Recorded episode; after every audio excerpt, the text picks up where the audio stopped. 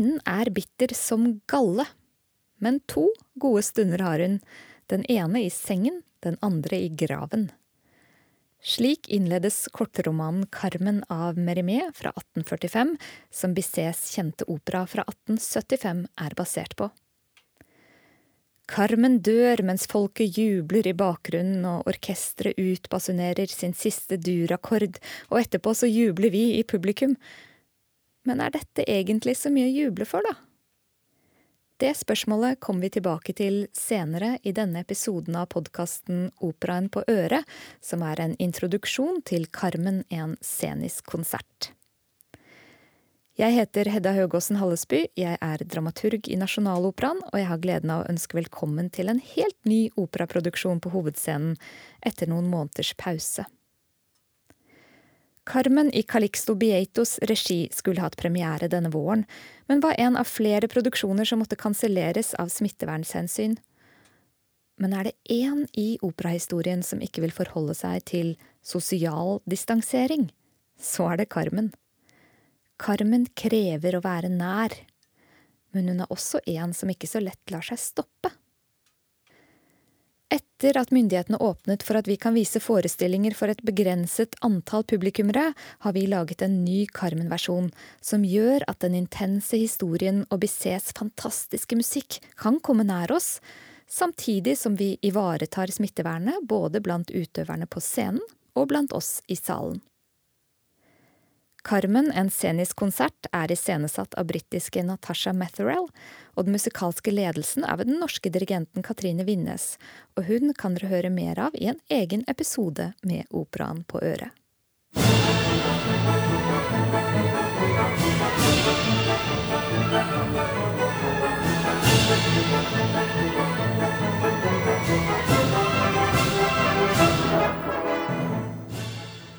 Carmen er en som ikke lar seg stoppe, selv om mange har prøvd det før. Direktøren ved Opera Comique i Paris, der Bissets opera hadde sin første premiere, han gikk av i protest mot at denne kvinnen skulle synge på hans scene. Som opprørsk arbeider, småkriminell sigøyner og frihetssøkende kvinne, så var Carmen et slags kinderegg av ting 1870-tallets borgerlige publikum frykta.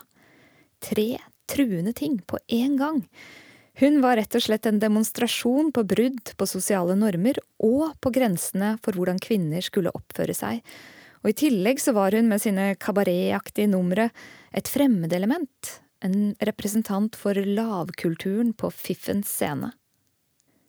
Men Carmen fikk synge, selv om premieren var en katastrofe og Bisset døde bare tre måneder etter, uvitende om at han hadde skapt det som kom til å bli en av operahistoriens aller største suksesser. For Carmen ble ikke tatt av plakaten. Populariteten bare steg og steg. I 1891 hadde den spilt 500 ganger, bare ved Opera Comique i Paris, og ved dette teatret gikk denne forestillingen helt fram til 1959. Konstant.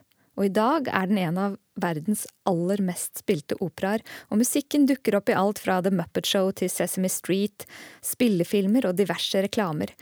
Carmen har kommet til å bli selve symbolet på opera.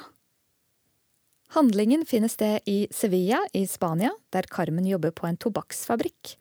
Og soldaten Don José er en del av en brigade som er satt til å holde vakt utenfor denne fabrikken.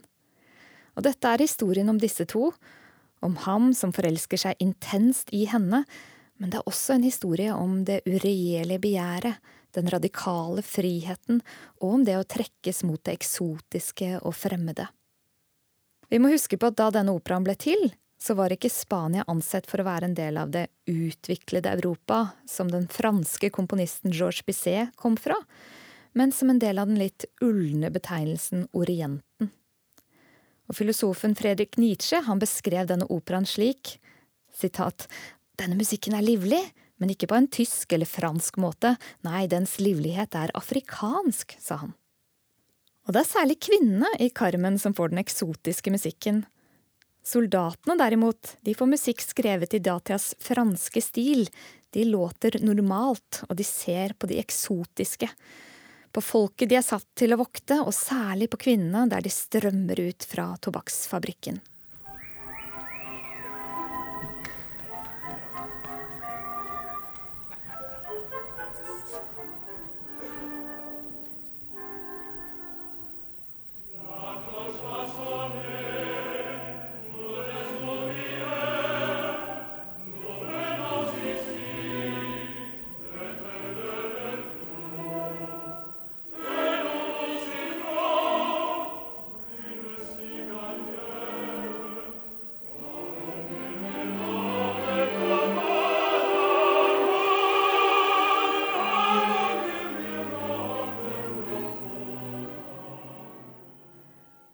1800-tallet var tobakksrøyk ansett for å være upassende for en kvinne. Det var noe prostituerte brukte for å annonsere sin virksomhet. Og i det eksotiske Spanias dampende hete kommer Carmen ut av en fabrikk full av kvinner. Som ikke bare røyker selv, nei, de produserer også disse sigarettene. Ruller dem med de små fingrene sine. Og siden urpremieren i 1875 har derfor Carmens sigarettfabrikk ligget innhyllet i en tåke av sydlandsk varme og seksuell spenning.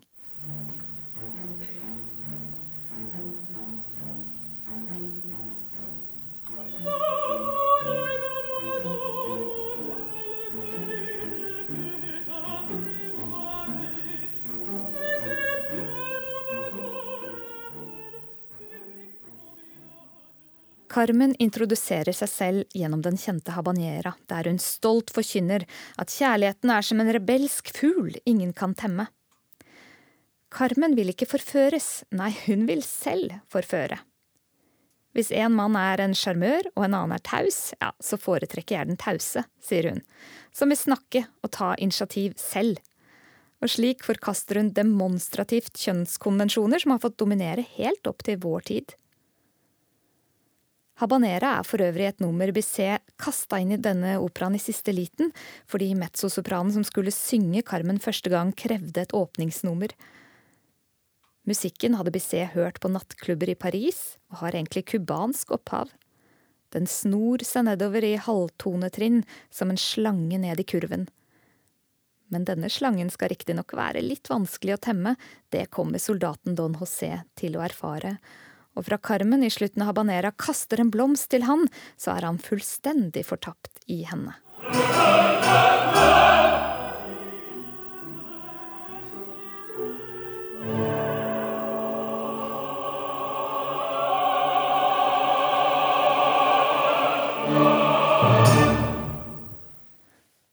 Det truende ved Carmen blir enda tydeligere ved at hun får en motsats i Micaela, som vi møter etter at Carmen har sunget sin habanera. Denne rollen finnes ikke i Meremes roman, den ble innført i operaversjonen for å gjøre det hele litt mer spiselig for operapublikummet. Micaela kommer som budbringer for Josés mor, og hun er den vakre, snille engelen som moren ønsker at han skal gifte seg med. Hun er fra samme sted som José, fra Navarra, og hun er en god katolikk som alltid er dønn ærlig og autentisk, i kontrast til Carmen, som virker som alltid spiller. Det er tydelig eksempel etter at Carmen har havnet i slagsmål med en annen kvinne og skal ha trukket kniven på fabrikken. Don José settes da til å holde vakt over henne og forbyr Carmen å snakke. Men hva gjør hun da? Hun svarer med å synge Tra-la-la-la-la-la-la-la-la-la, synger hun. Og kanskje gjør det at hun framstår som noe enkel og barnslig. Men den leken der, og det showet og de enkle tra-la-la-ene, det er det som skal til for at hun slippes løs fra fangenskap. José slipper henne fri, noe som fører til at han selv må gå i fengsel.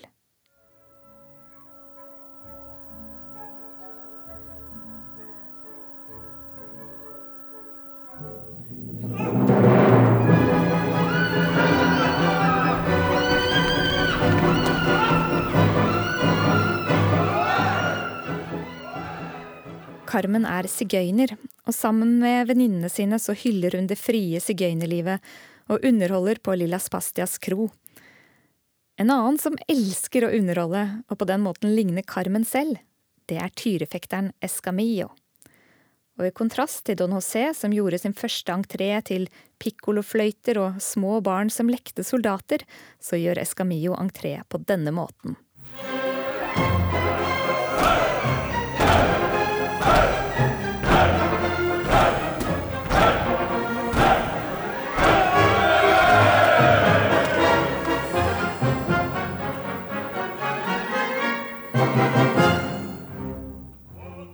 Ved Lilas Pastias kro møtes også en gjeng smuglere for å gjøre forretninger.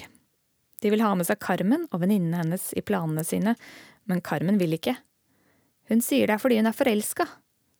Vennene bare ler. Carmen forelska, ja, vi vet hvor lenge det varer. Men da José slipper ut fra fengselet, så gjør Carmen som hun lovet José. Hun danser for ham. Når pliktene kaller, i form av signalene fra militærleiren, så er det dem José vender seg mot, og det gjør Carmen irritert. Men Don José svarer med å ta fram blomsten hun en gang kastet til ham. Den har holdt kjærligheten hans i live mens han satt i fengsel.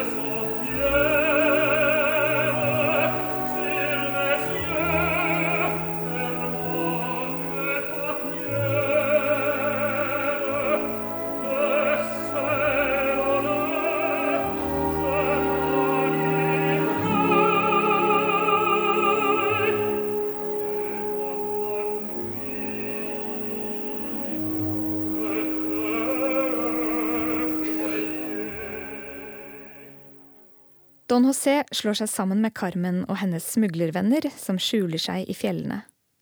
Dit kommer også Escamillo for å se etter Carmen. Han møter da Don José, som blir fra seg av sjalusi da Escamillo forteller at den soldaten Carmen en gang elsker, den bryr hun seg ikke om lenger. Også Micaela kommer for å fortelle Don José at moren hans nå er døende. Og før Don José følger med Micaela til Navarra, så lover han Carmen at de vil ses igjen.